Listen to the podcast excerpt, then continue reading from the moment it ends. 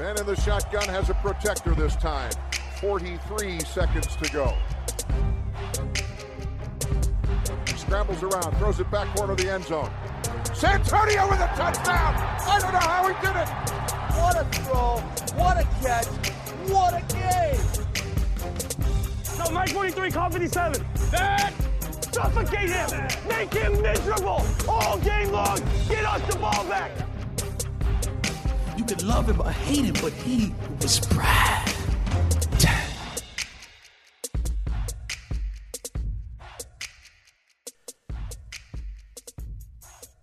Hej och välkomna till vårt alldeles speciella Super Bowl-avsnitt här i veckans NFL. En eh, podcast som presenteras i samarbete med GameDay.se när vi har ett eh, jätteavsnitt här för er inför Super Bowl och troligtvis kommer det bli i två delar, får se lite grann hur, eh, hur långt det blir.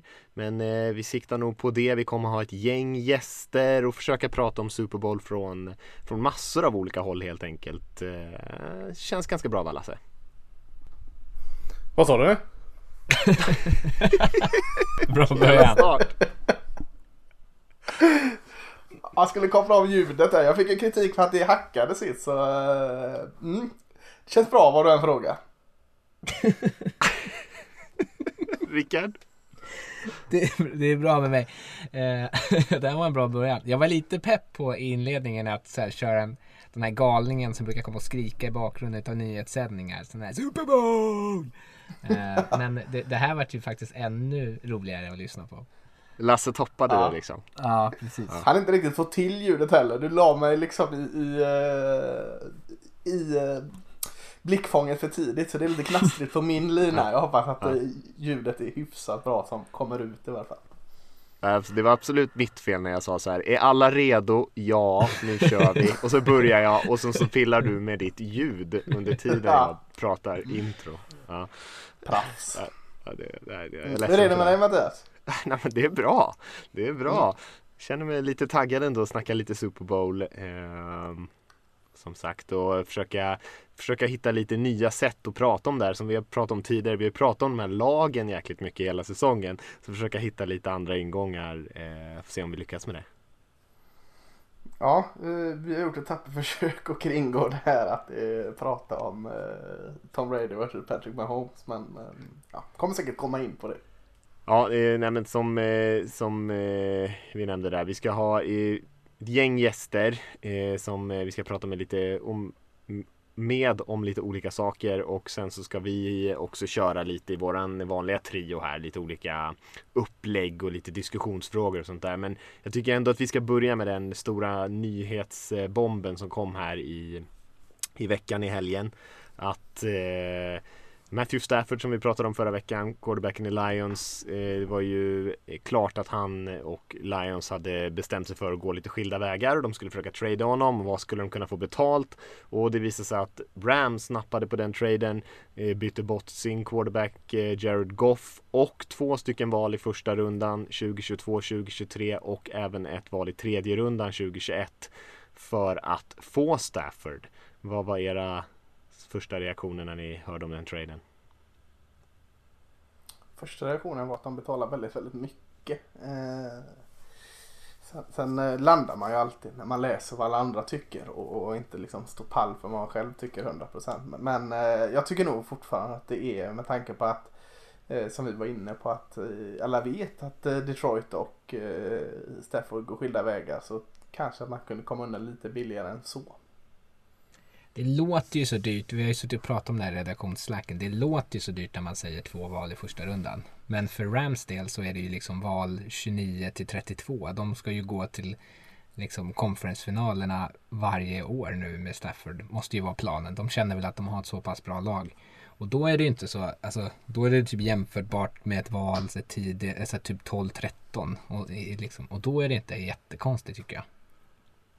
Ja, Men planen, det, planen var ju också att, att vinna Super Bowl med Jared Goff. Så att planen är ju inte alltid liksom att förlita sig på. De har ju, det har ju gått rätt, eller i år gick det i alla fall rätt bra med dem trots att de hade Jared Ja, Goff. det. Och det är en halv tumme. Mm, nej men det är sant.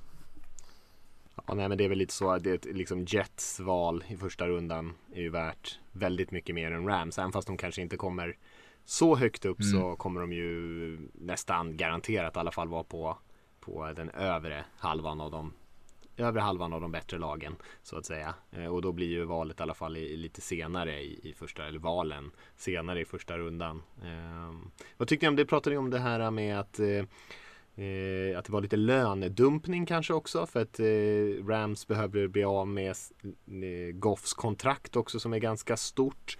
Eh, och att man därför kanske fick betala lite extra för att någon skulle ta, ta sig an Goff. För det hade ju varit omöjligt för dem nästan att, eller det hade varit omöjligt att ta in en ny quarterback, en veteran som ska ha mycket betalt och samtidigt behålla Goff på truppen, eller i truppen. Så man behövde ju någon som också kunde ta emot sin egen quarterback så att säga.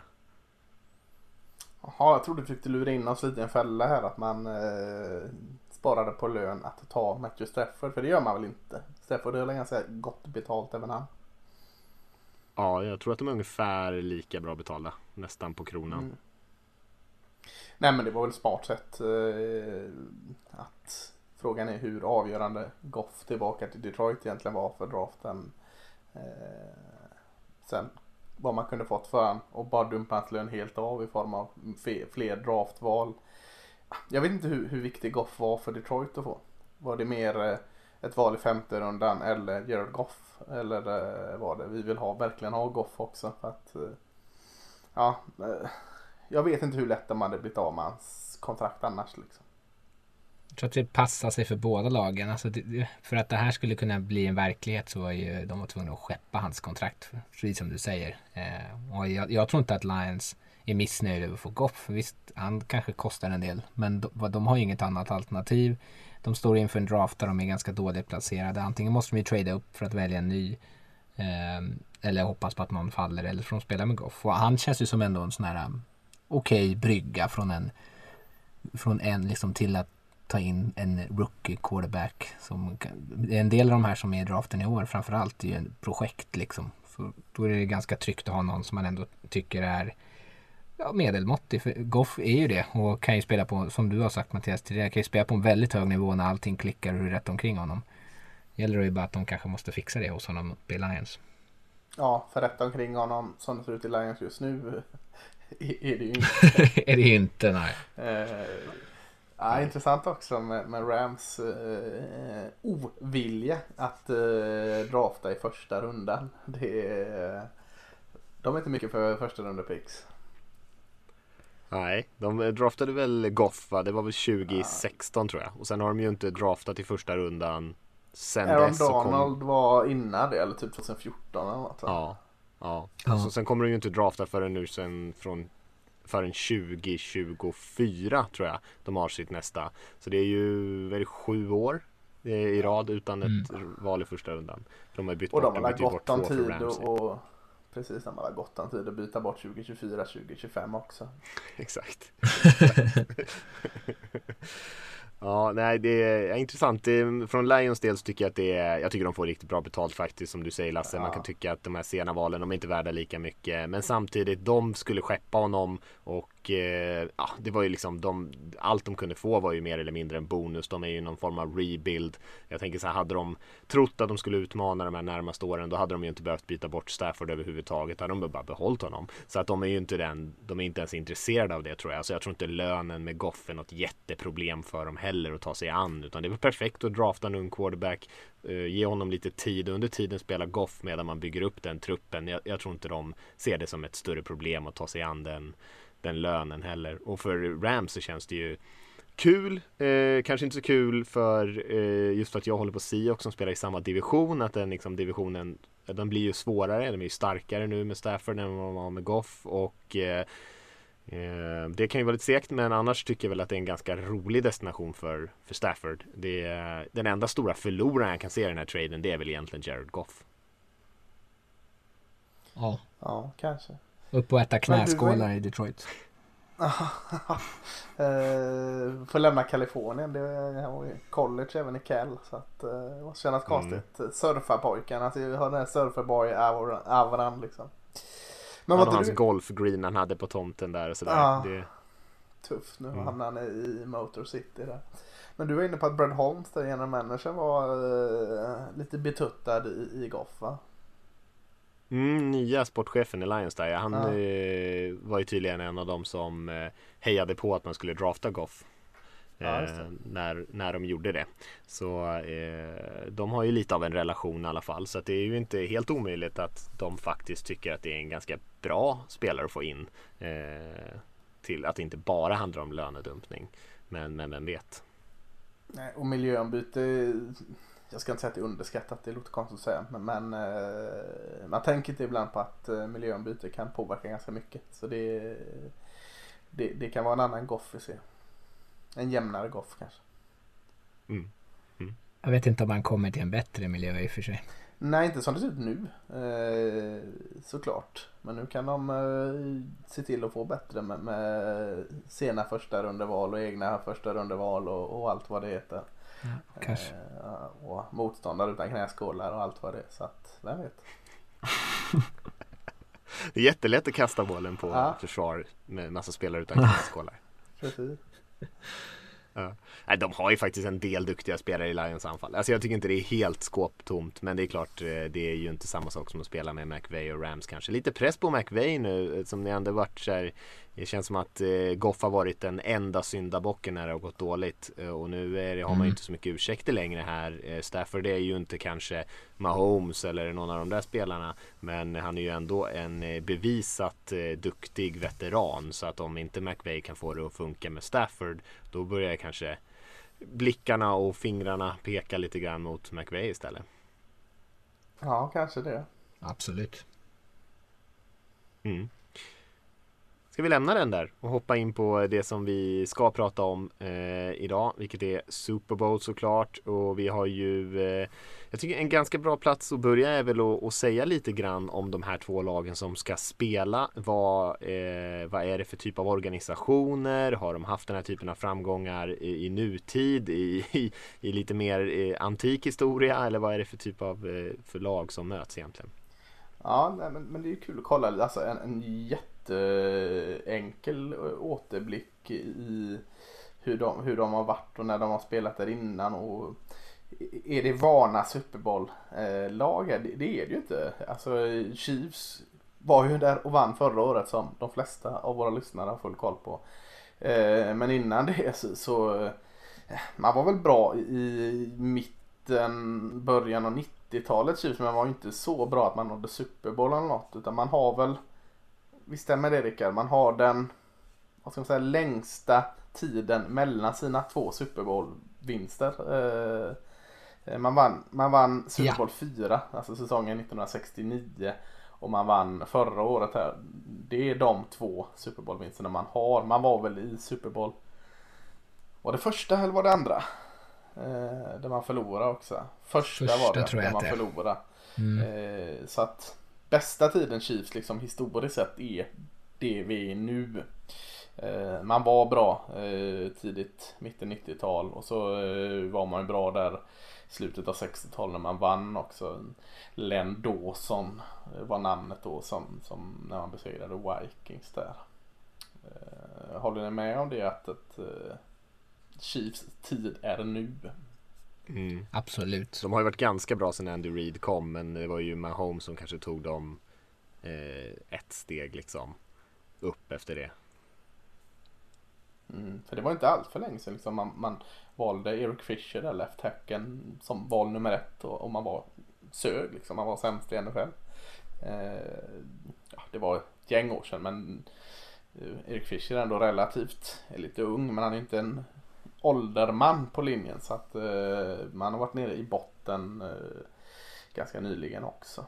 Tampa kan man väl lite säga samma sak om. De har också varit nere och vänt i botten. Eh, än mer nyligt, nyligen. Eh, mycket vände ju då när man fick in Tom Brady. Eh, och det vände väldigt, väldigt snabbt. Eh, eh säsong Super Bowl 37 tror jag det var. Eh, säsongen 2002 eh, var man där senast och, och vann mot eh, ditt Oakland Raiders där Rickard. Eh, En, Mm. Du kanske inte gillar den Super Bowl så mycket. Jag tycker den var jättefin eh, Super Bowl. Dixie Chicks sjöng nationalsången och jag tror No Doubt hade halvtidsunderhållningar och en Super Bowl som jag kommer ihåg väldigt mycket i alla fall. Eh, och det var då Tampa var som bäst. Eh, Warren Sepp är ju en stor gapig profil. Eh, var ju sitt esse under den tiden. Och, eh, nuvarande Raiders-tränaren Gruden var i, eh, i Tampa och vann med dem då. Och det, det är ju jättekul. Jag var tvungen att fråga Erik här innan vi började spela in. Var, eh, det var ju jättekonstigt. Man, eh, Tampa Bay tradade alltså till sig John Gruden från eh, Oakland Raiders säsongen. Alltså inför säsongen som Tampa Bay vann. Eh, mm. Och eh, Gruden tog då direkt sitt Tampa Bay Buccaneers och besegrade sitt gamla lag eh, Oakland Raiders i finalen. Det, det är bara det att man tradar en tränare och vad, vad sa du att man fick? Man fick två val i första, två val i andra och kanske det viktigaste var att 8 miljoner amerikanska dollar för honom. Lite växel. I omärkta ja, sedlar. Ja. ja eh, men, men, det är ju väldigt unikt liksom i sig. Det, vad jag vet så har ingen tränare tradats efter Gruden-traden. Nej, och, och, det är senast. Ja, och, och, så går han och vinner mot sitt gamla lag i Super Bowl direkt där. Så att, eh, runt millennieskiftet var Tampa Bay eh, som bäst. Eh, helt klart. Eh, och nu är de i Super Bowl igen. Det är en liten kort återblick om, om eh, nutida historia och, och toppar som jag hade i alla fall. Mm. Ja, och det är ju ja, två lag som inte har varit sådär superframgångsrika på den senaste tiden som du säger. Chiefs har ju varit eh, bra en stund sedan Andy Reid kom dit, även för att man inte har kanske varit en topporganisation. Men Tampa Bay har ju verkligen varit eh, nere i källan. Jag tänker alla quarterbacks som de har rivit igenom där med Josh Freeman och eh, James Winston och, och, allt vad de heter de senaste åren. Och, eh, de hade ju det här eh, Youngry-laget eller vad de kallades som, som var på gång med Freeman där och det var mycket hype och sen så stört dök de och sen var de tillbaka efter några år med, med det första valet i draften igen. Eh, så det är ju inte två organisationer som har Eh, skördat stora framgångar direkt. Nej, om man tänker så här, vi, om man tänker så här svenska fans och så supportrar så är det inte heller två lag som har jättestora eh, baser här i Sverige och det ligger ju någonting i det här med att de inte haft den här eh, eran av storhetstid. Alltså man liksom har attraherat massa fans så som vi har kanske med Patriots och Packers och 49ers och, och Raiders. Ja, jag tror nog ändå att eh, av, av sådana som har hängt i och följt NFL i alla fall sen millennieskiftet så tror jag nog väldigt många liksom togs av det Tampa Bay Buccaneers som var bra under den tiden de vann där. För det var ett ganska spektakulärt lag. Många eh, profiler liksom i det millennie Tampa Bay Buccaneers. Så, så de som hänger i sen så, så länge. Jag kan se bak då att det var lätt att falla för Tampa Bay Buccaneers. Mm stackars Brad Johnson som brukar dyka upp där som när man diskuterar liksom de sämsta quarterbacksen som har lyckats vinna en Super Bowl så kommer hans, känns som att hans namn alltid kommer upp att han liksom bars av det där försvaret och, eh, mm. och de vann liksom nästan trots honom. Kanske helt motsatsen vad det är nu där det är ändå ganska många spelare som spelar bra men det enda man pratar om är ändå quarterbacken. Ja, var det pappa Kiffin som var eh, DC då eller hur var det? Eh, är det Monte uh? Ja. ja. Ja, precis. Monte, Kiffin och Tampa 2 ja, eh, försvaret va? Ja. Just det. Mm. Just det. Eh, tycker ni vi ska titta lite grann på eh, dagens lag, dagens trupp. Vad är det för eh, styrkor, svagheter? Hur står de upp mot varandra lite grann? Tycker jag absolut. Ja, du, du pratade ju om det här i början att vi ska undvika att prata om alla de här, eh, allt som vi redan har sagt under säsongen. Så, eh, vi, var vi, ett smidigt sätt att göra det är att göra sådana här positionsjämförelser. Vilket lag är bäst på vilka positioner och så kanske man inte måste tjata om att eh, för ni kanske har missat det. Patrick Mahomes han har en väldigt bra arm och Tom Brady är väldigt, han är väldigt intelligent. och gammal. och, och gammal, det är han också. Eh, men om, om, vi, om vi tar position för position så börjar vi med, med quarterbacksen då så får vi liksom det av, avstökat. Eh, vem, vilken quarterback är bäst? Mahomes. Är det en fråga alltså? Va? Shit, då jag kan jag skylla på att, att jag kollar ljudet här igen eller? Jag kan inte sitta här och spotta vad jag tycker. Jag det hatar ju båda i lagen, höll jag på att säga. ja, Mattias. Får du steppa upp här och säga vem som är bäst. Ja, Mahomes är bäst just nu. Jag tycker inte det är speciellt nära. Men, eh, men det är klart, de, eh, de är ju giganter på olika sätt. Men det är en fördel i den här det- matchen så är det ju såklart Mahomes. Ja, men även liksom som vi sa, eh, Tom Brady, det här är vad är hans tionde Super Bowl. Är han bäst nästa söndag? Mahomes liksom. Har han bäst förutsättningar att vara bäst? Mahomes kommer in, det här är ju vardag för honom. Eh, kanske eh, lite vardag för Mahomes också eh, om några år eh, fram i tiden. Men ja, jag håller nog Mahomes, eller jag håller ju Mahomes som en bättre QB än Tom Brady just nu. Ja, men, men eh, med den Super Bowl-rutinen som är helt sinnessjuk eh, att ta med sig som Tom Brady har så, så jämnade ut avståndet, eller jämnar det in avståndet lite mellan de två. Ja visst, det kan man ju köpa. Ja, de har ju, båda är ju sådana här it-spelare, eller it-faktorn på sig som liksom kan avgöra en match helt på egen hand. Eh, Brady har man ju liksom genom åren lärt sig förstå att är det 50 sekunder kvar på klockan så kommer han troligtvis göra en touchdown på den sista matchavgörande serien bara för att han har så mycket fan i sig.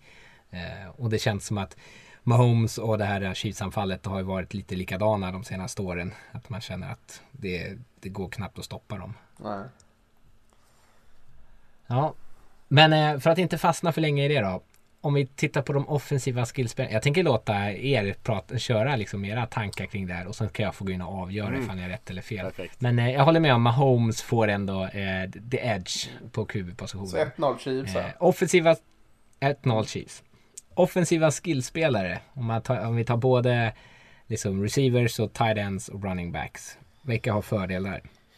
Hur de funkar i de systemen det är, alltså, man, ska, man kan inte bara mäta Mm. spelare mot spelare. Man man måste också sätta in hur de funkar i, i det systemet de spelar i antar jag eller? Det tycker jag. Ja, eh, då skulle jag nog nästan ge fördel eh, Chiefs även här. För eh, hur de får in Tyreek Hill och hur de får in hans ersättare, eller om man kan kalla det så, Michael Hardman eh, i det systemet är fantastiskt hur, farliga de är där. Eh, nu vet jag inte statusen på ska Clyde Edwards Hilaire eller är han borta även Super Bowl förresten? Vet faktiskt inte Det hur hans status är just nu. Det är ju något som en podcast som satsar på att prata om, om eh, Super Bowl borde ha kollat upp innan. har vi faktiskt inte gjort här så att... Ja, Eh, Du har en- du poäng där ja, Bell är också eh, eh, en, en eh, där. Men bäst Trevor, Travis Kelce såklart. Det är ju svårt att göra det caset tycker jag mot Mike Edwins, mot Chris Godwin, mot eh, Rob Gronkowski i en Super Bowl. Cameron Brate som också har gjort det bra i slutspelet. Eh, jag vet inte, Ronald Jones. Eh, nej, jag, jag håller nog Chiefs högre. Vad, vad säger du Mattias? Jag tycker faktiskt att det är ganska jämnt. Det är ju Mm. två väldigt bra eh, skill. eh, Jag är ju ett stort fan av Chris Godwin och det har jag säkert nä- nämnt tidigare och Mike Evans är ju en lysande receiver han också. Så att receivergruppen tycker jag kanske är starkare på och särskilt om man räknar in Browns tycker jag receivergruppen är starkare. Men sen har ju Kelsey ger dem ju en riktig eh, boost får man säga i Chiefs. Men, men om du säger Chiefs, i och för sig jag kanske inte får säga olika än dig. Men jag gör det och låter Rickard avgöra. Jag säger att Bucks Ja. har snäppet starkare skill positionsspelare än Chiefs i så fall. Ja. Ja, jag, kan- jag kan köpa det lite det här i, i, kanske i ett vakuum. Att man bara tittar på dem eh, om man ställer upp dem bredvid varandra. Men jag håller med det här med Lasse pratar om i systemet som de används i. Så som de används utav Hill eh, och Kelsey så är det anfallet. Alltså de i de rollerna är bättre tycker jag än vad eh, Bucks eh, skillspelargrupp är. Och fram, kanske framförallt att det är det här som du pratade om Mattias med running backs. Eller det kanske du inte ens kom in på. Men Leonard Fournette tycker inte jag har eh, imponerat speciellt. Då skulle jag föredra att eh, spela med Clyde Edwards eller, eller Le'Veon Bell. Fair enough. Eller massa spexiga sweep-spel eller någonting som de springer med Hill. ja. 2-0 Chiefs. Ja. 2-0 Chiefs. Eh, offensiva linjen. Här kanske det blir eh, lite poäng till Bucks, eller? Ja, Bucks rakt av, absolut. Eh, Tristan Wirth Rookin kom in och gjort det jättebra. Donovan Smith får alldeles för lite beröm. Eh, Alemar Pet Garden gillar jag jättemycket också. Eh, räcker med de tre. Det är solklar vinst. Ja, Mattias? ja men jag håller med. Särskilt eftersom de har haft lite skador på Chiefs offensiva linje. Eh, så tycker jag att de drar ifrån i Bucks. Men, men har de alla sina spelare i Chiefs så är det ju inte en dålig linje. Det är en ganska bra linje det också. Men, men Bucks får nog min röst här också. Ja, Mitch Shorts är ju den som de kanske saknar där på den offensiva linjen. Eh, men eh, annars håller jag, jag, håller ju, jag skulle ju säga att Bucks på varenda position på den offensiva linjen är starkare än eh, Chiefs. Och det skulle jag kanske till och med säga även om de har svårt. För så bra har Tristan Ward spelat. Framförallt mot slutet tycker jag. Och de saknar ju Fisher också. Chiefs i den här Super Bowlen. Han drog ju sin Ja. Achilles i Ja, just sin det. left tackle. Så de saknar både sin left tackle och sin right tackle. Ja, det Men det är tur att Mahomes kan röra på sig så väl.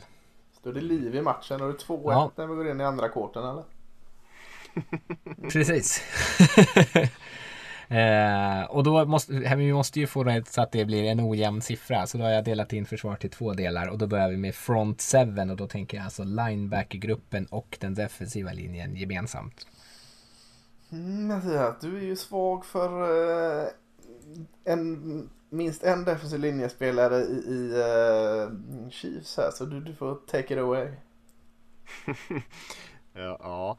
Eh, tänker på Chris Jones Ja, såklart. men, jag också såklart, men jag vet eh, ja. att du är väldigt svag.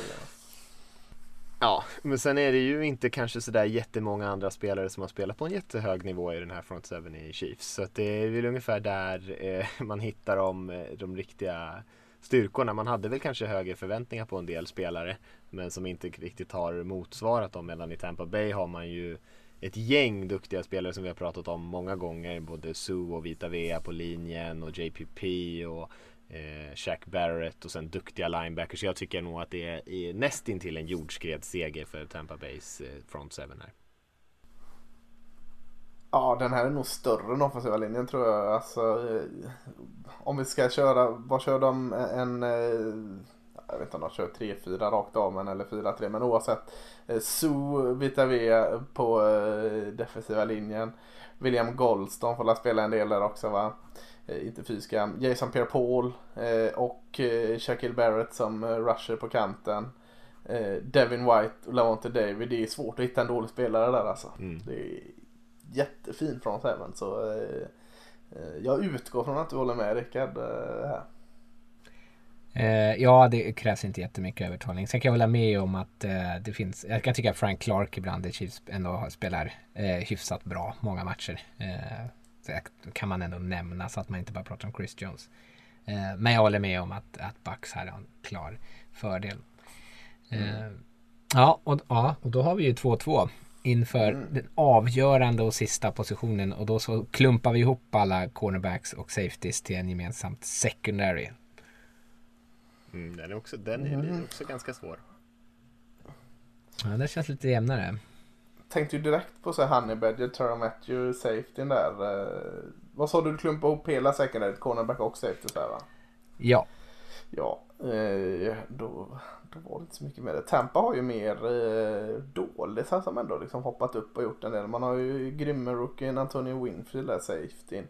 Sen har du ju han som, som från ingenstans har gjort ett jättebra slutspel i Sean Murphy Bunting som, som är så här, eh, gubben i lådan och går och gör en pick i varje match i slutspelet.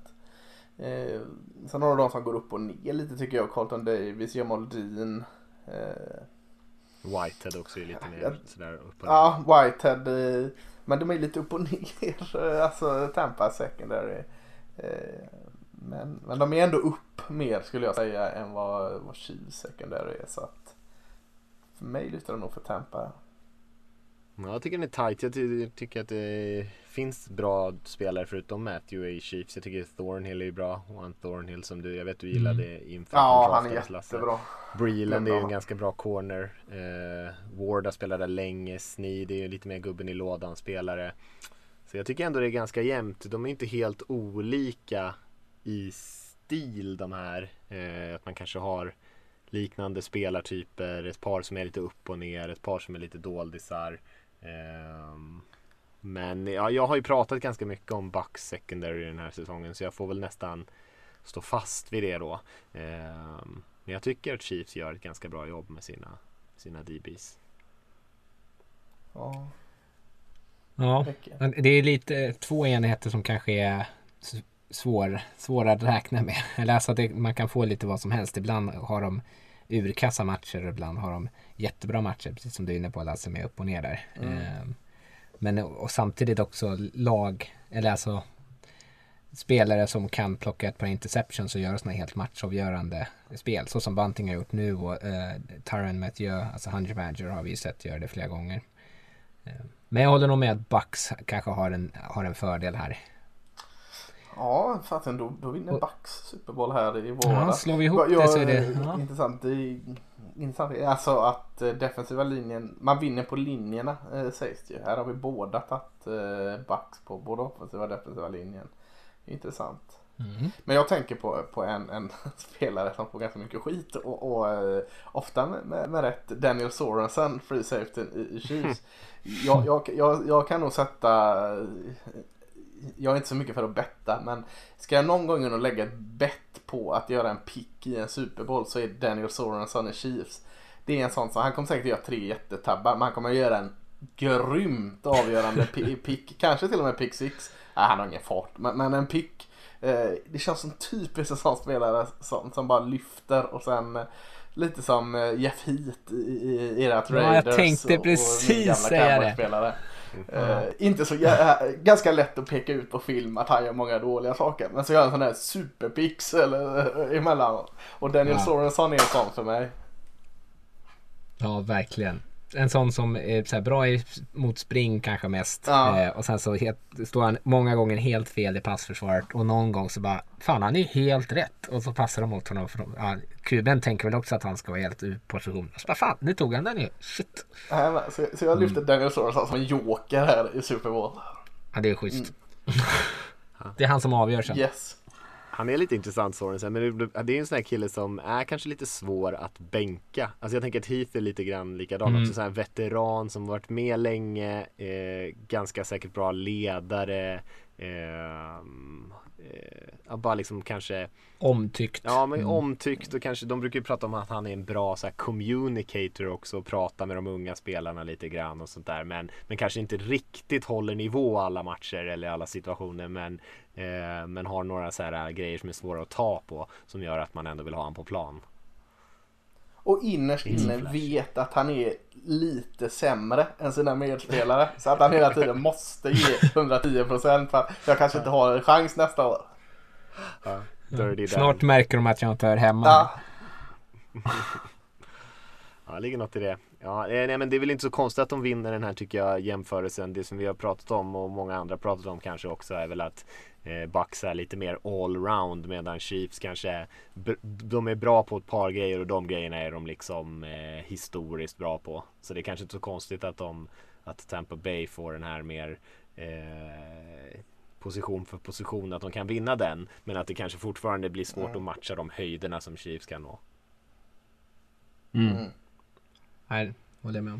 Du nämnde inte, jag tycker vi kan gå vidare och prata lite grann om både tränarna och lite vad man taktiskt försöker göra i de här lagen. Eh, för att du sa det innan vi började spela in här Lasse, att det är ju eh, just den här eh, revolutionen av unga offensiva coacher får sig en liten törn i den här matchen när det är en riktig gubbduell. ja offensiv gubbduell är det ju i alla fall. Med, med han, 62 år gamla Andy Reid och Bruce Arians som är 68 år gammal tror jag. Eh, Så ja, det där trendiga. Spags att, är eh, ingen vårkyckling heller på defensiva sidan i och för sig i Kansas City. Eller Spags Nej. är där. Han är, han är Nej, också precis. Precis, så den, Todd Bowles är väl inte jätteung heller. Nej, men han är ju, i det här sällskapet är han ju liksom eh, eh, fräsch ut ur skolbalen nästan liksom. Eh, men eh, det är lite intressant det här med att Eh, det går ju lite trender i att eh, och läggs ofta fram som en bra sak. Så, ja, det och det och det. Och så är han ju ung, det är bra. Kommer han in med revolutionerande tankar om fotboll. Eh, den slutsatsen dras ibland lite väl snabbt. Jag säger inte att det är fel att anställa en ung coach. Eh, håller med om att många yngre coacher, McWay till exempel, eh, kommer in med, med ganska roliga idéer. Men, men den som säger att Andy Reid och Bruce Arians inte har roliga idéer i sina offensiv, eh, den hittar ju på. Ja visst, ung i sinnet får man väl säga, Mm, särskilt ja, Andy Reid verkligen. kanske. Ja, jag skulle säga Bruce Arian med. Ja, nej, det, det är två intressanta tränare, absolut. Eh, Jag tänker vi kan prata lite grann om vad de eh, försöker göra, vad de gör. Vi kan väl börja lite grann med Kansas City. Det är väl ingen hemlighet att liksom Andy Reid är från det här gamla västkustträdet där det liksom handlar om att kasta de här korta passningarna, eh, försöka ha en hög completion percentage, eh, bra, viktigt med timing och sen så har han gift samman det lite grann med en hel del som du säger så här att eh, fortsätta vara nyfiken, vara lite ung i sinnet med många av de här moderna college-koncepten som vi ser. Att de spelar mycket shotgun, spelar mycket spread-formationer eh, och jobbar mycket med den typen av eh, lite mer spexiga spel. De har kört en del zone read eh, och det känns som att han är Även fast han börjar den här västkustsvängen så är han egentligen nästan öppen för att slänga in vad som helst som han tycker är kul eh, i det här anfallet. Och eh, det gör ju också att det är ganska svårt att veta vad han kommer hitta på. Mm. Jag tycker också det, det är kul med Andy Reid att han eh, ja, Screens jobbar ju väldigt många lag med så, så det är kanske inte något revolutionerande att han, han jobbar med det men eh, eh, sweeps, alltså klassiska sweeps som jag tycker har försvunnit lite ur NFL. När jag började kolla NFL var eh, sweeps väldigt populärt. Det tycker jag lite har fallit bort. I varje fall används det mycket, mycket eh, mer sällan än vad det har gjort eh, för x antal år sedan. Och, och Andy Reid i jag älskar att han kör sina sweeps och han har ju spelarna för sådana här sweeps med, med eh, Hill och Hardman och allt vad det är. Eh, Eh, så även att han liksom inte är rädd att damma av den där gamla 80-talskostymen och komma med den till eh, en modevisning. Det, det, det är heder till honom. Bara för att ta upp det här med kostym så har han, han har ju alltid på sig mm. här vajerskjortor så han känns ju lite som en sån här college-kille som sitter i något sorts smutsigt litet college-rum. Ja. Uh, Nej, men jag, jag gillar ändå att du säger det här med screens. Det finns ju ingen i NFL som gör, alltså om man pratar om McVay och hans play action spel så finns det ju, och att han är bra på det, finns det ju ingen i hela ligan som är lika bra på, på screens som mm. Andy Reid. De är ju helt fantastiska och, och så otroligt spexiga och inte, det är inte bara en enkel dump off till en running back utan det är alla möjliga typer av screens till alla typer av spelare. Ja. Och sen kanske det mest liksom uppenbara när man tittar på deras anfall så är det att de har så otroligt mycket motion för det, för det snap, alltså spelar i rörelse innan de, innan de snappar och, vilket gör otroligt svårt för försvaret att fatta vad som är på gång. Ja, känns också lite som att han, han eh, inte heller är rädd att lägga över en hel del ansvar till Patrick Mahomes. Jag tänker ofta på de här eh, mm. dumparna till Trevor Kelsey i mitten bara en enjardsdumpning till han. Och så får han bröta mm. vidare. Eh, väldigt svårt att se att det är skriptat alla de här liksom. Eh, mer än att han bakar in det i en av, av readsen. Men, men eh, att han låter Mahomes fatta de här besluten. Att när du ser att den är det så, så ta den. Liksom. Du, du, du är så pass bra. Det är också en jäkligt stor egenskap av en tränare att kunna lägga över en del mm. av ansvaret på sin fältgeneral.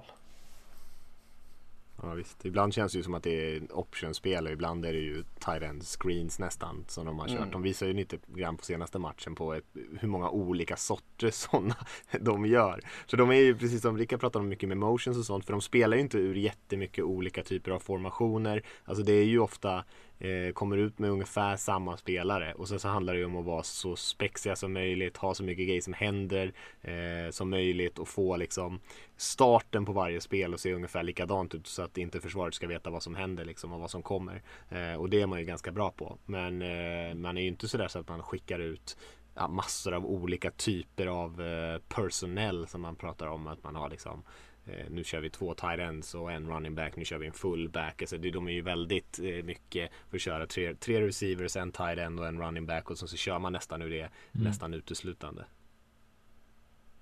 Ja, det kanske är därför de inte, för jag blir lite fundersam att de inte får mer flaggor på sig. Att de inte klantar till de här spelen mer. För att de är ju med all den här rörelsen innan snap och så. Att det är som gjort för att dra på sig en fall start eller eh, fel antal spelare på Lennart Scrimmage och sånt. Men det är ju sällan de får de flaggorna. Det kanske har att göra med att eh, de ändå håller samma personell på plan. Eh, också sån mm. som, som Rickard stryker under de här eh, hans tokiga screens. Helt fantastiska screens. Ibland så liksom, ja, jag fattar inte hur, hur de inte snubblar på varandra eller trasslar in sig. Det är stora jäkla bisonoxar till offensiva linjer. Att, att uh, Hill kan liksom studsa igenom det, det har jag inte så jättesvårt att se. Men att liksom i de här konstiga liksom, konstellationerna, att de inte liksom bara två offensiva linjer man liksom springer rakt in i varandra. Det, det är jag också väldigt imponerad av.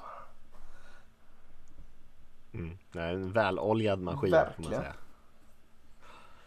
Eh, ja, men om vi ska hoppa till, eh, till försvarssidan där och vi pratade ju om Spagnolo där, han har ju varit med ett tag. Eh, som sagt inte minst med, med Giants när de vann eh, Super Bowl. Eh, och eh, är ju framförallt en 4-3 coach och han bytte ju till det systemet när han kom till Chiefs. Men som vi har sagt tidigare i podden här tror jag att det är finns ju inga liksom rena 4-3, 3-4 system egentligen utan alla kör ju någon typ av hybrid. Men han är ju lite samma eh, inställning som Andy Reid där att han har sagt någon gång att eh, if you're static you're dead liksom att det handlar om att vara i ständig rörelse och utveckling hela tiden i sitt spelsystem eh, för att inte liksom fastna i gamla idéer. Så att även fast han har varit med länge fortfarande liksom öppen för att testa nya grejer och sånt där och Eh, det känns som att han direkt när han kom till Kansas City så lyfte de för det försvaret ganska mycket. Eh, och även fast de fortfarande inte är något jättebra försvar så känns det ändå som, ett, en, eh, som att de har tagit kliv och att de gör mycket med liksom det de har där.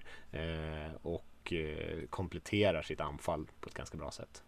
Jag tycker också att Spagnola lyfte eh, när han kom till Chiefs. Jag tycker kanske att han har lite gått emot vad han själv har sagt innan. Att han har varit lite statisk innan. Eh, eh, kanske inte medvetet men kanske någon, någon ofrivillig press. Men det kändes som liksom han kunde ja, liksom få sig en, eh, ja men nu, nu vågar jag göra det här. Vi har det här dödliga offensivet. Så att eh, jag tror det var en, bra match för både eh, Spagnola och Kansas City att de två parades ihop. Ja, de sparkade ju Bob Sutton som var där tidigare som snarare var liksom, han, om, man skulle, om man är statisk så är du död. Ja, det var precis det som hände. De var väldigt ja. statiska och det var det som gjorde att hans försvar liksom inte kunde leva upp till det här. Och Spagnoli är ju som ni säger, han chansar lite mer. Eh, lite blitzvänlig sådär. Och med, nu har de ett anfall där det, där det funkar att göra det så. så väldigt bra komplement. Mm. Mm.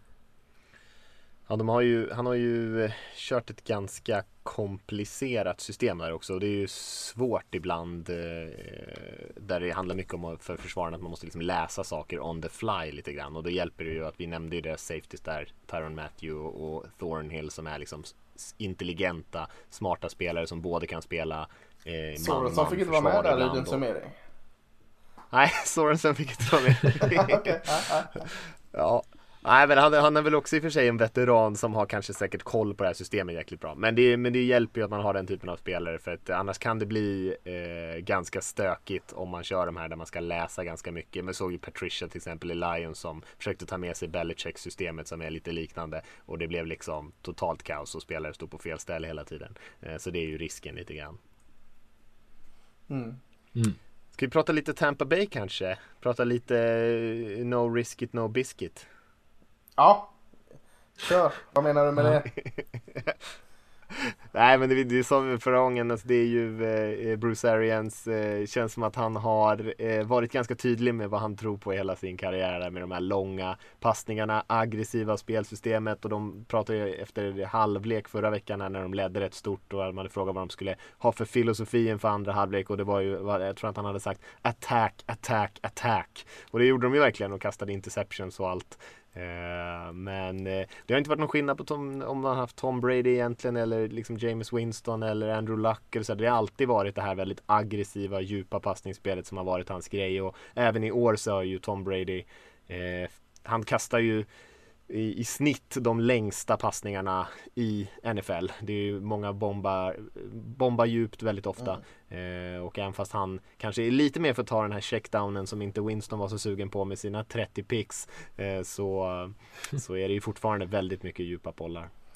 Ja, jag tycker alltså Bruce Arians är det kanske är många coacher som är intressanta profiler men Bruce Arians är väldigt öppen med vad han tycker och tänker så det gör honom väldigt intressant. för att eh, gräver man lite på honom och, och pillar på honom så hittar du väldigt mycket eh, spännande som han står för och, och sägs vilja tycka som eh, eh, är intressant. Du, du nämner ju det här med, med eh, att han, han ska bomba långt liksom. Eh, eh, sägs väl att han ger, i varje fall innan gav sin QB två alternativ varje spel. Bara två alternativ. Det ena var för en first down och det andra var för en touchdown. Liksom inget annat.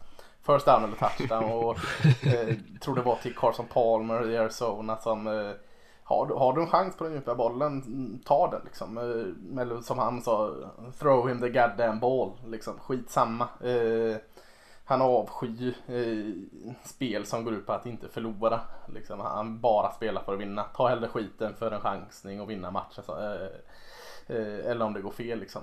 Chansa ut med den djupa. Eh, James Winston som, som vi gillar att peta lite på att han kastade så ohyggligt mycket picks. Eh, många av dem var ju James Winstons fel men många av dem var ju också Bruce Arians. Eh, just det som du säger, no risk it, no biscuit. Att liksom han, han var på James Winston och gör detta. Eh, James Winston kastade också enormt mycket touchdown den säsongen förra säsongen. Det Bruce Arians också ska ha cred för det. Eh, och, så, och, så, just med att han är, han är ju väldigt eh, vill vara väldigt mycket kompis eller eh, socialt engagerad med sitt lag och med sin QB. Eh, eh, vill att hans QB liksom ska styras av känslor och inte bara vara liksom matte, eller automatiskt utan gå in och, och känn, ha hjärta eller eh, vad heter det, heart on your sleeve och eh, ha grit och eh, nästan så han ska ha liksom en, en Eh, lätt let the emotion run liksom som man hör många säga tvärtom liksom att låt inte känslorna ta över. Bruce Arians vill nästan att känslorna ska ta över så att eh, eh, jag vet inte, det är kanske många som tycker så men Bruce Arians går ju ut och säger detta när folk frågar så att han är väldigt eh, tydlig med vad han tycker och tänker och därför tycker jag det är kul att höra på sådana coacher. Det, det är spännande liksom det du säger om det, kontrasterna med vad andra vill. För han kom, Tom Brady kommer ju från ett system i New England där det, man kanske inte ska använda känsla. Nej precis, rena motsatsen. Eh, eller det, det, inte det intrycket. Om man pratar inför säsongen om hur ska det här giftermålet ens gå. Inte kanske på det men liksom det strategiska är att Tom Brady kommer från liksom ett anfall där man så här, uh, Death by a hundred paper cuts. Alltså att man bara små, små, små pappersskärsår mm. i anfallet kastar liksom fyra yards, fem yards, sju yards, tre yards, fem yards, åtta yards.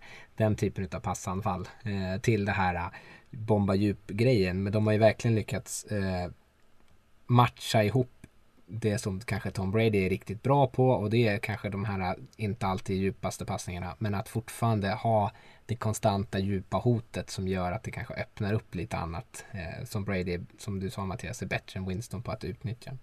Ja, jag läste någonstans, även fast han har han leder liksom i i eh, vem som kastar längst i snitt så, så har han ju också ökat, jag tror att de har ökat nästan 50% antalet passningar till running backs också från när Winston spelade i liksom samma system. Så att Tom mm. Brady eh, han kastar ju gärna de här korta passningarna också. Men det säger ju också lite om hur många sådana här bomber de faktiskt kör per match. Det är liksom, det är rätt, det är rätt mycket. Mm. Mm. Ja, intressant. Ja, men eh, det är intressant det med Winston som du säger om alla hans interception. Nu ska vi inte prata om James Winston den här podden, men eh, jag vet att Chris Godwin var ute och sa att hälften av alla de interceptions var för att receivern gjorde fel read, sa han efter den förra säsongen. Och det är säkert kanske inte sant. det var säkert fler. Jag, när, jag när jag såg dem så tyckte jag nog att rätt många var på Winston. Men eh, det är ju den typen av system också där receivern springer djupa routes och väntas liksom justera på massa olika, olika saker. Och ibland så läser de inte samma sak som quarterbacken. Och då blir det ganska konstiga, fula interceptions. Så jag tycker vi har sett ett gäng sådana från Brady också i år. Att man liksom bara, men vad, vad gör han? De, liksom, de tänker inte alls samma sak. Och det är ju också den här eh, Arians grejen att man attackerar hela tiden och då spelar man ju med hög risk eh, hela tiden. Och eh, då får man ju räkna med mm. några interceptions men det är liksom inte hela världen. Det tycker inte de är någon fara tror jag. Nej. Mm. Eh, försvarsmässigt eh, i Tampa Bay, alltså det är ju Todd Bowles där och han har ju också lite av en profil. Eh, varit headcoach i Jets, men det är ju också en superaggressiv coach egentligen. Passar väl egentligen ganska bra med Arians. Spelar man-man, blitzar hur mycket som helst. Eh, Tampa Bay är ju ett av de lag som blitzar mest i NFL och då har man ändå en bra defensiv linje. Man blitzar alla möjliga typer av spelare i alla möjliga situationer. Eh, och det är ju nästan lite det här eh, gamla Rex Ryan-grejen. Att man, liksom, att man ska hela tiden få anfallet i motståndarlaget att känna sig liksom obekväma. Mm. Mm. Och de är, på så sätt är de lite lika försvaren i att de vågar blitza, vågar offra lite och liksom eh, ja, försöka sätta anfallet i tveksamma situationer. Försvar, eller kanske förklarar också lite grann varför vi pratar om dem som Lasse sa där att Tampa Bay secondary ibland ser lite upp och ner ut. Det är också kanske för att man mm. också ibland sätter dem i ganska tuffa situationer. Att man kanske springer en mot en med någon spelare som korsar planen i sidled eller någonting och det är ganska tuffa situationer när man spelar mycket man-man till exempel. Precis. Ska vi lämna den där eller vill vi säga någonting mer om tränarna? Ja, mm, ja.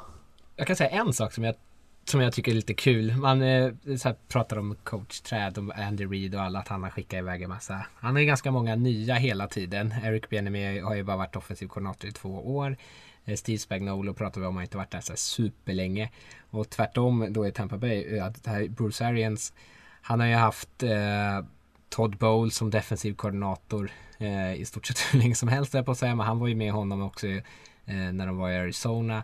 Eh, och så har han ju sin eh, offensiva koordinator Byron Leftwich eh, som han har haft som offensiv koordinator också i Arizona tidigare. Eh, och också till och med coachat som QB en gång i tiden när de var i, i Steelers. Så där är det lite mer the old band som liksom mm. håller ihop hela tiden. Ja, jag tror till och med den en, alltså bandet är ännu äldre. Han har nog med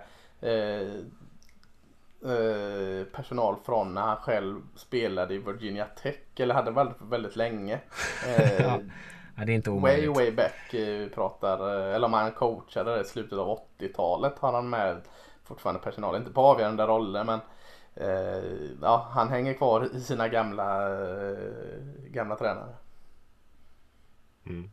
Han är en intressant karaktär. Just vi ska ju kanske inte gräva för djupt där men alltså både det här med att han är väldigt eh, noggrann med att anställa minoriteter. Nu har han ju också någon kvinnlig tränare i sin stab eh, för att ge dem chansen på något sätt. Det är ju någonting han tror på och pratar väldigt mycket om. Och sen även det eh, just den här lojaliteten är ju är ju en grej, men att han är också ganska hands-off. Han låter de här tränarna få ganska mycket frihet medan han själv liksom har någon så här överkucku roll liksom. Eh, och låter dem liksom testa sina vingar lite grann. på så sätt så är han ju en rätt eh, intressant eh, karaktär får man säga, Bruce Arians.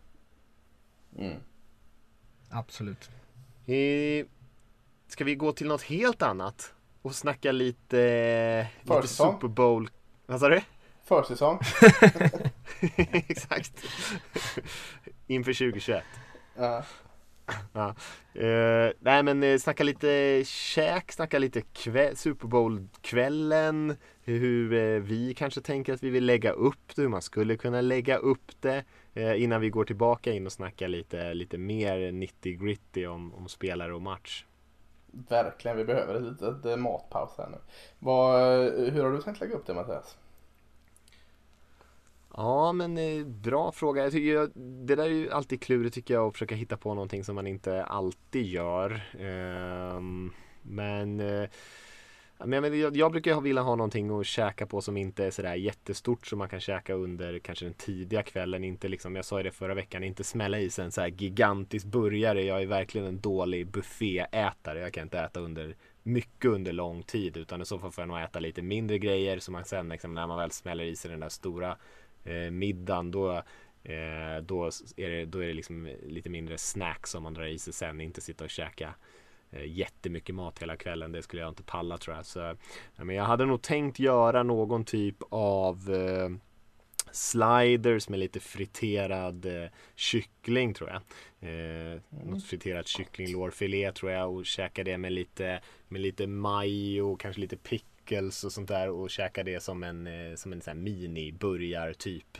Eh, så ja. tänkte jag nog börja kvällen i alla fall. Ja, jag tänkte Pigs in a Blanket är ju en sån perfekt för dig. Kan du gå och ha eh, på en sån här silverbricka och plocka hela tiden. Exakt, jag tycker de ser lite tråkiga ut måste jag säga dock. Pigs in a Blanket. det är bra namn, det är det bästa. Ja, ja, ja, det är ett jävligt bra namn. ja, jag, jag har ju, eh, eller vi som brukar kolla Super Bowl eh, brukar alltid köra för att få lite variation att vi tar eh, lite influerade från eh, lagen som spelar Super Bowl. Eh, blir jäkligt tröttsamt där ett tag att köra de här eh, Lobster Rollsen när Patriots spelar var, varje år. Så svårt att hitta nya grejer i New England-området. Och, eh, lite så är det väl med Chiefs också ändå. Men, om jag delar upp till tre rätt. Ja, jag gick in starkt för den här menyn här nu. ehm, eh, Förrätt då så har vi Florida har ju starka influenser från Kuba. Eh, Och Tampa Bay och Miami, det är ju en fej där mellan dem vem som eh, liksom står, uppfann den, den klassiska kubanska mackan eller tog in den i landet, Cubanos som den heter. Men, men eh, cigarrkvarteren här, Ybor City i Tampa eh, vill ju slå sig för bröstet. De var först. Jag tänkte göra en sån, eh, en, en Cubanos. Eh, det, det är en grillad macka helt enkelt. Eh, man kan göra det i våffel igen eller smörgåsgrill om man har en sån. Eh, och det är med ost, skinka, man kan ha fläskfilé eller pulled pork eller vad som helst i och lite, lite saltgurka och senap där. Eh. Eh, och så huvudrätt så är det ju Kansas City får vi gå in på där. Eh, kan man ta en drink emellan Kansas City Ice Water? Vet ni vad det är för någon? Den, den låter ganska... fr- att det inte bara isvatten. Nej, nej, det är gin, vodka, limejuice, Cointreau och så toppar man med lite kolsyrat bara. Eh, den låter ganska fräsch, kan man få lite energi. Eh, Ja, men så, Ja, så huvudrätt Kansas City är ju en barbecue-stad. Jag tror jag sa samma recept förra året. Joe's Barbecue har jag varit och ätit på en gång. Eh, Det var här institut. Där har de någon eh, macka som heter Rocket Pig Sandwich. Det är ju pulled pork blandad med hot sauce och barbecue och Sen har du bacon, ost, friterad jalapeno på. Eh, det som du säger, den där början som sänker dig Mattias. Den, den går vi in på på huvudrätten här. Och, och, Ja men då är det lagom. Då Ja. är det lagom. Eh, till allt detta kan du dricka blasköl för du, du kan inte hålla på med sån här diper och iper och, och porter och sånt. Det blir för maffigt. Eh, sen drinken mellan efterrätt eller mellan huvudrätt och då, då får vi gå ner igen. Ernest Hemingway författaren hängde ju mycket i Key West, Florida. Älskade ju sina daiquiris. Kan man ta en daiquiri där? Eh, stannar vi där efterrätt och så tar vi, avslutar vi med en, en eh, klassiker, en key lime pie till efterrätt. Eh, så får du upp sockerruset där lagom till andra halvlek. Ja, något sånt. Så har du varit inne i Florida, du har varit i Kansas City och fått socker och fått fett och borde kunna överleva. En så jäkla massa mat. När du sa att du skulle ha en cubano till Ja. förrätt tänkte jag så här, shit det är ju en hel, en hel måltid. Men det är ju mycket tid också under Super Bowl. Det är ju många timmar. Ja det är sant. Vad gör du Rickard? Bara sött? Eh, ja, alltså du... Nej, men det är så svårt att säga när du har eh, lagt upp det sådär svårt att och, och bänkar eller bräda det. Eh, jag har en sån här liten pizzagrill eh, som jag grillar pizzor i utomhus. Så jag kommer att göra eh, liksom en, en, bara en klassisk margarita för det tycker jag är absolut godast. Eh, men en klassisk margarita med lite typ rostade pinjenötter eller något annat lyxigt på om jag vill och massa basilika. Eh, för det, det kan jag äta liksom med familjen på kvällen som en vanlig middag och sen värma i ugnen eh, under natten när jag behöver käka mat. Men annars, ja, annars kommer jag satsa, satsa på, som jag sa förra veckan, så här, klassiska eh, chocolate chip cookies. Jag har köpt eh, massa Skittles för det tycker jag känns väldigt amerikanskt eh, och tillgängligt. Eh, såna ostbågar, inte, samma klassiska ostbågarna utan jag vet inte vad de heter. Cheese crunchers kanske? De är så smala, ser ut som Ja, häxfingrar typ. Eh, som är starka. Eh, och sen har jag köpt cola och lättöl. Förra året drack jag tre femmor, vilket var inte, det är inte så farligt liksom. Jag jobbar som lärare, jag är alltid jag, är liksom på jobbet vid halv åtta och så drack jag två stycken tre femmor typ vid halv fyra, fyra senast och kände så här, jag kommer till jobbet, jag ser redan lite sliten ut, jag luktar öl. Känns som att jag är på fel arbetsplats då. Sen i år blir det lite mer cola där mot. Kör Cuba-cola så får du in det... Älskar får ju Cuba-cola, det är den bästa där. Kan kolan. slänga in på min buffé också. Ja, Kan man Ja, hitta måste jag Kuba? Ja men jag tror den har liksom fått eh, en comeback. Jag har sett någon reklam i någon busskur någonstans att eh, Cuba-cola är tillbaka. ja, den, jag tror att den finns på mitt ICA Ja. Maxi faktiskt. Ja. Ja, då har vi. Cuba-cola där som... Eh, eh, ska vi ringa dem och se om de kan pytsa in en peng till den här podden eller? Det är nog inte så många som pratar om Cuba Cola i etern nu för tiden. Nej. Nej, det är katastrof. Ja, det lät ju gött det där. Jag tänkte också slänga ihop en typ av eh, barbacoa eller något sånt där liknande och göra någon taco-liknande varmrätt. Eh, sen blir det nog bara lite klassisk eh, nachos, nachos och guacamole eller något sånt där. Eh, men jag kommer nog dricka lite öl tror jag. Jag är ändå föräldraledig så jag behöver ju bara ta ansvar för ett barn. När jag är bakfull sen. På, mina, på mina, alla mina öl jag har druckit. Ja, det är bra. Ja, nej, men det är gött. Eh, ja, det blir väl eh, som vanligt en långkörare. Det brukar ju ta, sig- ta slut rätt sent och man brukar ju bli lite sådär halvsleten. Brukar ni liksom dra på er kaffe och sånt där mitt i natten? Jag gör det. Eh, jag måste göra det. Espresso, dubbel espresso från första kvarten till slutsignalen. Ja, annars dör man ju. Ja, nej, eh, jag håller med. Men kan man undvika det så brukar jag vilja undvika det och dricka kaffe mitt i natten. Men eh, det är kanske viktigare att hålla sig lite pigg. Kan ta kubansk kaffe. Kör det kubanska temat här. I med rom och lite kalora. Eh, så vispgrädde på kubansk kaffe. Ah, nu snackar vi. Nu snackar vi. Kan säkert riva lite choklad på Rickard så det får det här söta på också. Ja, ja gud. Nu, nu snackar vi. Vad heter det tror du? Kaffe, Allting som är godis eller bara socker i allmänhet. Ja. Eh, ja, vad säger ni? Vill, vill vi slänga in någonting mer om käket där innan vi hoppar vidare? Nej, Jag börjar bli hungrig nu när jag pratar så här så att det kanske är bra att lämna det. Ja, precis. Eh, och eh, om vi ska fortsätta på det lättsamma spåret lite grann innan eh, alla våra gäster eh, så eh, har vi ju gjort lite quiz här under året. Och då bad vi såklart Erik Karlgren som har gjort de quizen åt oss att slänga ihop ett eh, Super Bowl-quiz åt oss. Fan vad kul. Eh, och det gjorde han ju såklart. Ja, Shit vad stark jag känner mig inför det här quizet. Det kommer gå, kommer bli sämst nu. Jag känner mig så oerhört stark inför detta. Oj, oj, oj, oj. Nej, det Så här är inte dumt att jag, att jag säger det också. Det är bra, man ska tro på sig själv. Ja. Är det massa årtal och sånt i Super Bowl? Vilket år spelades matchen mellan? Åh gud, sånt är omöjligt. Har nu, kommer jag ner, nu kommer jag ner på jorden igen när jag kom på det.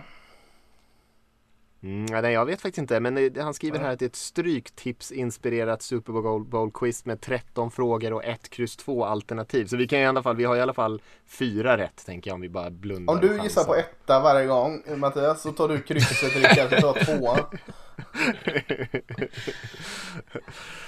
Eh, Men vi kan väl börja med första frågan då. Eh, Som är vad hette finalen i amerikansk fotboll innan den fick namnet Super Bowl år 1967? Eh, och då är det ju tre alternativ här då. Och eh, första alternativet är The Football Bowl. Andra alternativet är American World Championship. Och tredje alternativet, eller tvåan då, 1, kryss 2 är det ska jag ju säga såklart. Två är då AFL NFL World Championship Game. Ja. Ska vi lyssna lite, lite tid där innan vi lurar in dem med fel svar? Någon, kan någon av er det eller?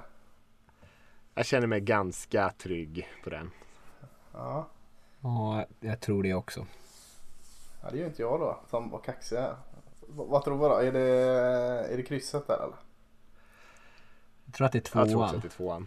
Ja men bra, då kör vi tvåan. AFL NFL World Championship Game. Ehm, Ja. vi säger World tvåan. Championship känner jag mig trygg med. Mm. Mm. Mm. Eh, då hoppar vi vidare till eh, andra frågan då. Så rättar vi på slutet helt enkelt. Eh, För det har inte de i det här mejlet. Vilka fyra lag har aldrig tagit sig till Super Bowl? Eh, och då är det tre alternativa då. Är det Lions, Jets, Cardinals, Browns? Kryss. Är det Texans, Lions, Browns, Jaguars? Eller två. Är det Chargers, Browns, Jaguars, Titans? Ja, ettan är det ju inte. Nej, Cardinals har ju spelat Super Bowl. Nyligen. Jets har ju vunnit och spelat Super Bowl. Ja, det är klart.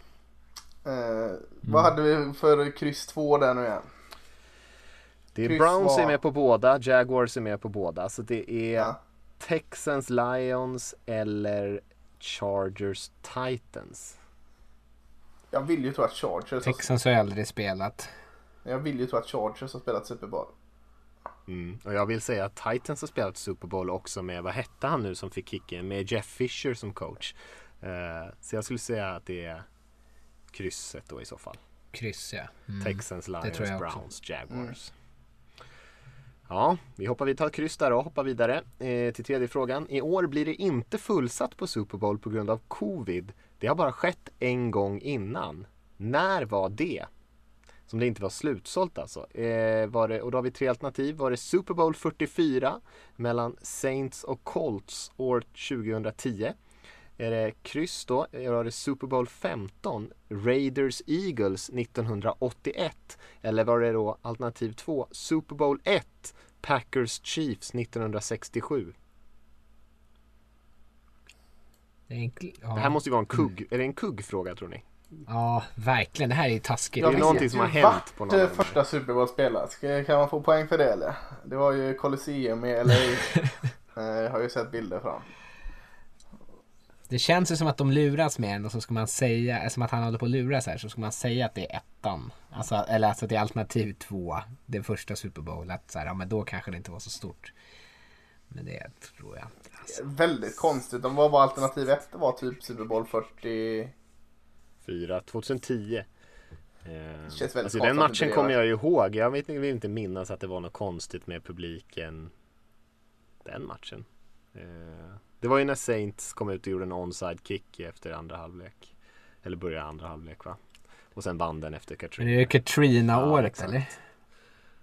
Tänk om det ligger något i sånt att folk har dåligt med pengar i New Orleans och inte har åkt dit. Eller att Den, man, men den ja, spelades liksom ju inte medvetet. i New Orleans. Kan det inte ha gjort. Nej men det är ändå supportrarna till laget som åker dit. Nej, Eller om man liksom medvetet lämnade tomma platser som någon sorts typ av liksom eh, Ja, minnesmonumentsgrej. jag tänker det. Mm.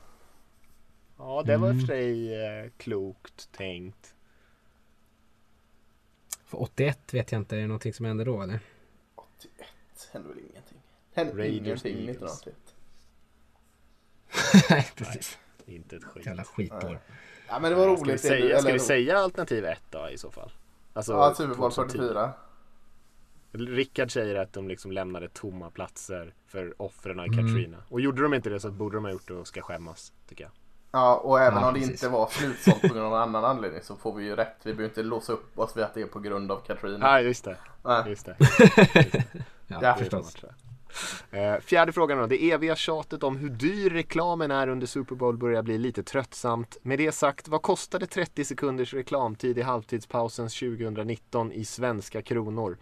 Var det 42 miljoner, 58 miljoner eller 85 miljoner för 30 sekunder reklamtid? Ja, det sista var det väl inte ändå va? Det låter 85. väldigt, väldigt dyrt. Mm. Jag skulle säga att det var eh, det är 42 där. Första alternativet. Ja. Ja, jag har ingen Men jag- aning faktiskt. Jag Nej, jag har ingen aning Jag heller. Men det känns, ingen eh, känsla för det här alls. eh, ligger någonstans i bakhuvudet att det är, är bara så det kostar. Då- Då tar vi det. Då tar vi 42 miljoner på den fjärde frågan där då. Eh, fråga 5. På tal om reklamen under Super Bowl. Vilken känd film är baserad på en reklam från en av finalerna?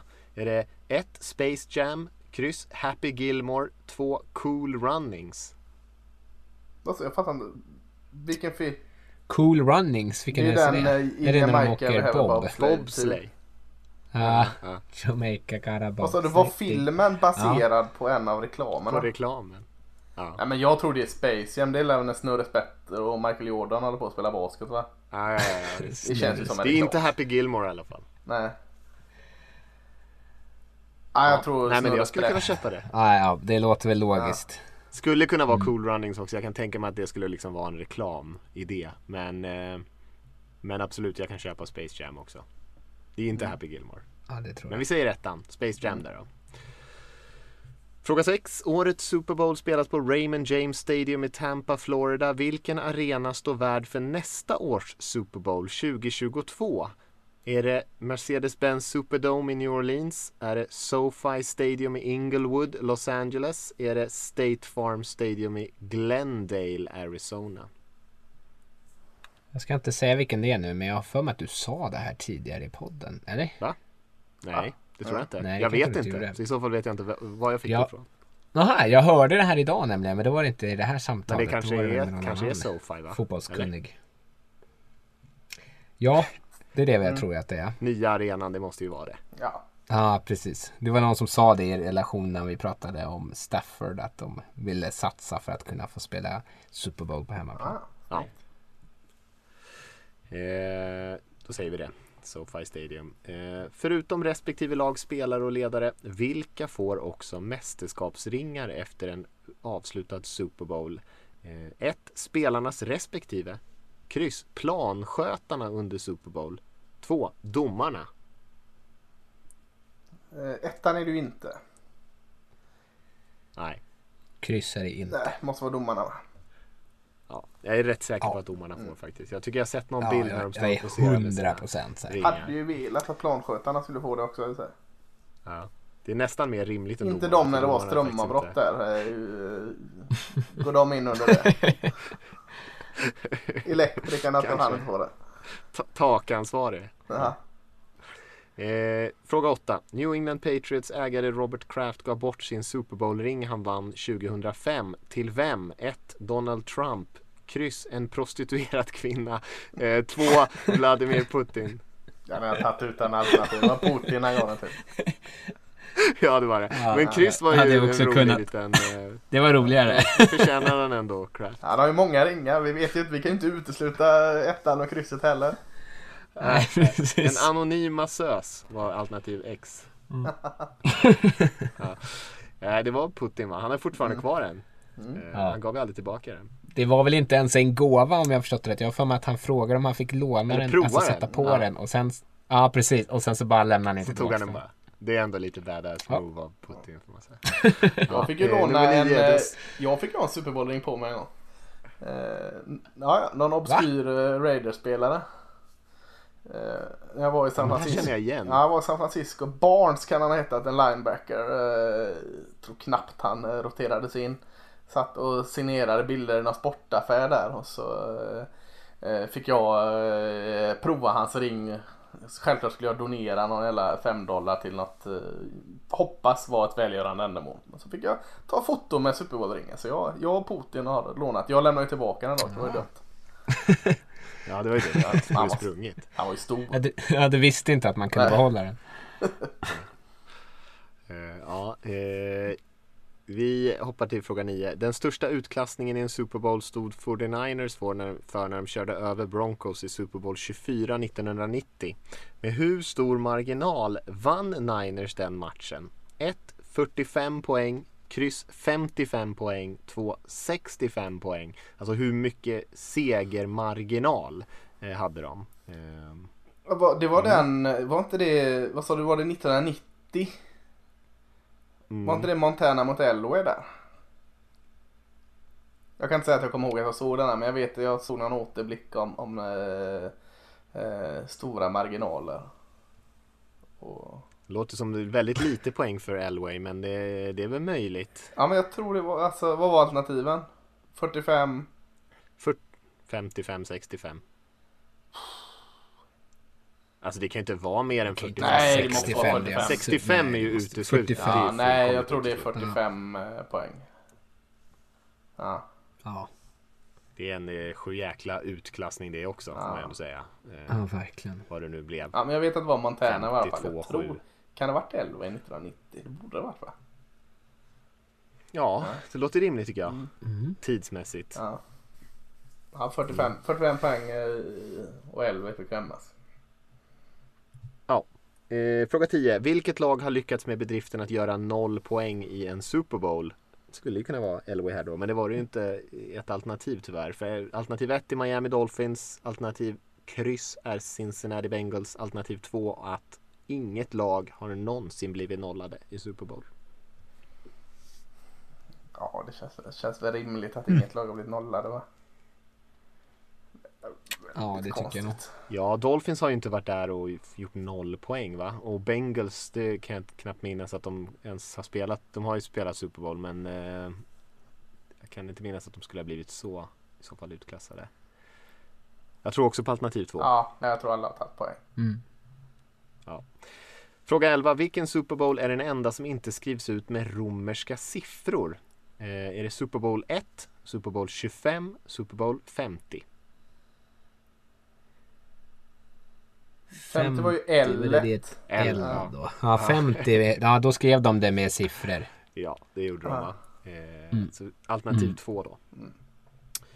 För Ja. första gången någonsin dömer i år en kvinnlig domare i Super Bowl. Vad heter hon? Heter hon Sandy Roberts, Sarah Thomas, Stacey Michaels? Sarah Thomas va? Den kunde jag utan alternativ. Ja, precis.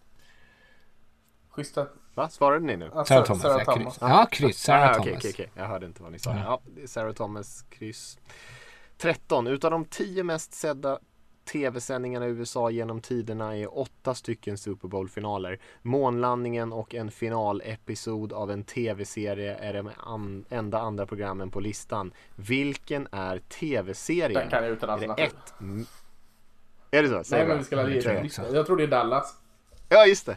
Ja, just det. Eh, ett, MASH. Kryss, Seinfeld. Två, Sopranos. Nej fan, det var inte ens jag ett är nöjd. alternativ. Nej, ja. Men när, när du sa det så är det ju MASH. Det stämmer, det har jag hört.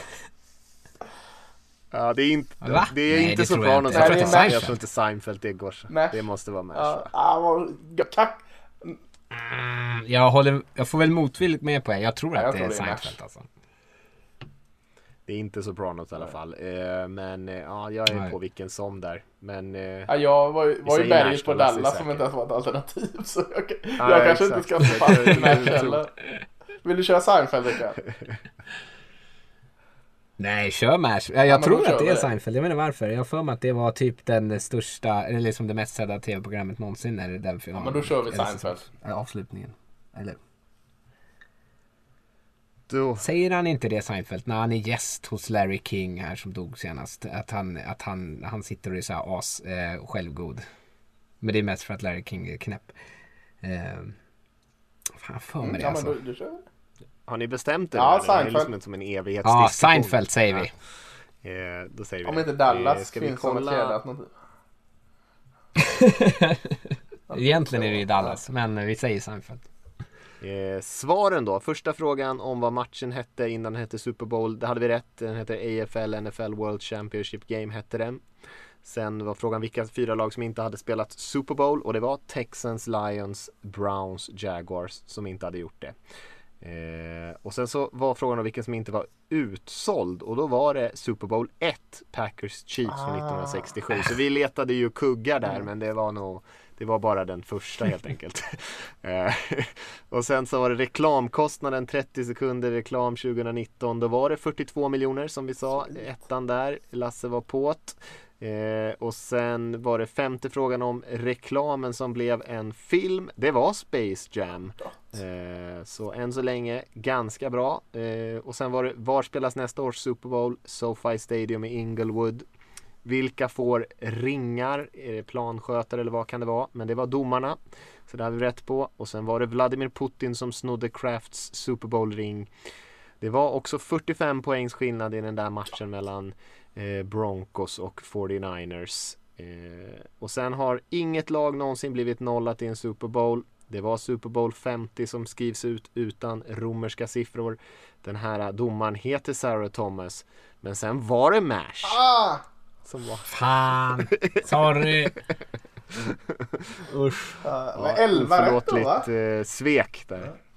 Eh, ja, Ja, det tycker är ändå bra ja, men alltså. det var godkänt. Ja, det var godkänt. Helt, Ja, 40 helt godkänt tycker jag. Och då hade vi ju fel på, på, på New Orleans eh, Super Bowl när de borde ha liksom gett tomma platser till Ja. offren i, i Katrina. Just det. Mm. Det är sant, just det. Så, så en etisk Vi hade poäng. egentligen 12 rätt. Ja, 45 kronor, 45 kronors utdelning och så får vi hoppas på Jokern helt enkelt. Ja, grymt kul med lite quiz. Tackar vi Erik eh, Karlgren för det. Och eh, nu är väl hög tid tycker jag att vi börjar ta in lite klokare personer än oss. Lite av våra roliga gäster. Eh, så hoppar vi in och direkt och pratar lite grann med Filip Minja från eh, Viasat Studio.